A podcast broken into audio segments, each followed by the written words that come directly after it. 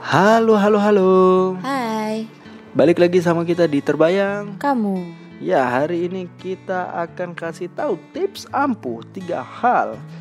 Kenapa kita harus berjuang bersama pasangan kita? Yang pertama, karena dia orang yang tepat. Gak mungkin dong kalau kamu misalkan punya pacar baru lagi nanti, belum tentu dia orang yang tepat. Mending yang ini aja. Itu orang yang tepat untuk kamu. Ya, lalu yang kedua, capek dong pulang dari awal lagi. Karena kamu harus mengenal orang baru, mengenal kebiasaan dia yang lebih baru, semuanya serba baru. Mana tahu dia suka dangdut, kamu suka jazz. Yang di mana buka Siti jazz. Waduh, lucu sekali ya saran saya ya. ya. Lagi. Iya, mengulang baru. Lalu yang terakhir itu adalah karena sesuatu yang indah itu harus diperjuangkan. Aduh, contohnya, contohnya.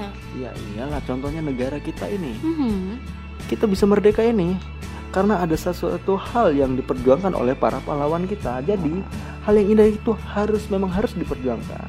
Jadi kenapa kamu harus berjuang bersama pasangan kamu? Ya karena ini tadi.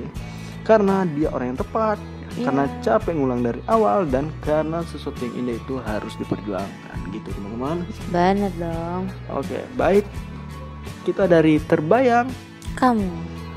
Jangan lupa follow Instagram kita di @terbayang kamu akan ada video-video menarik. Nah, uyuy. Oke. Untuk pasangan. Oke, bye bye.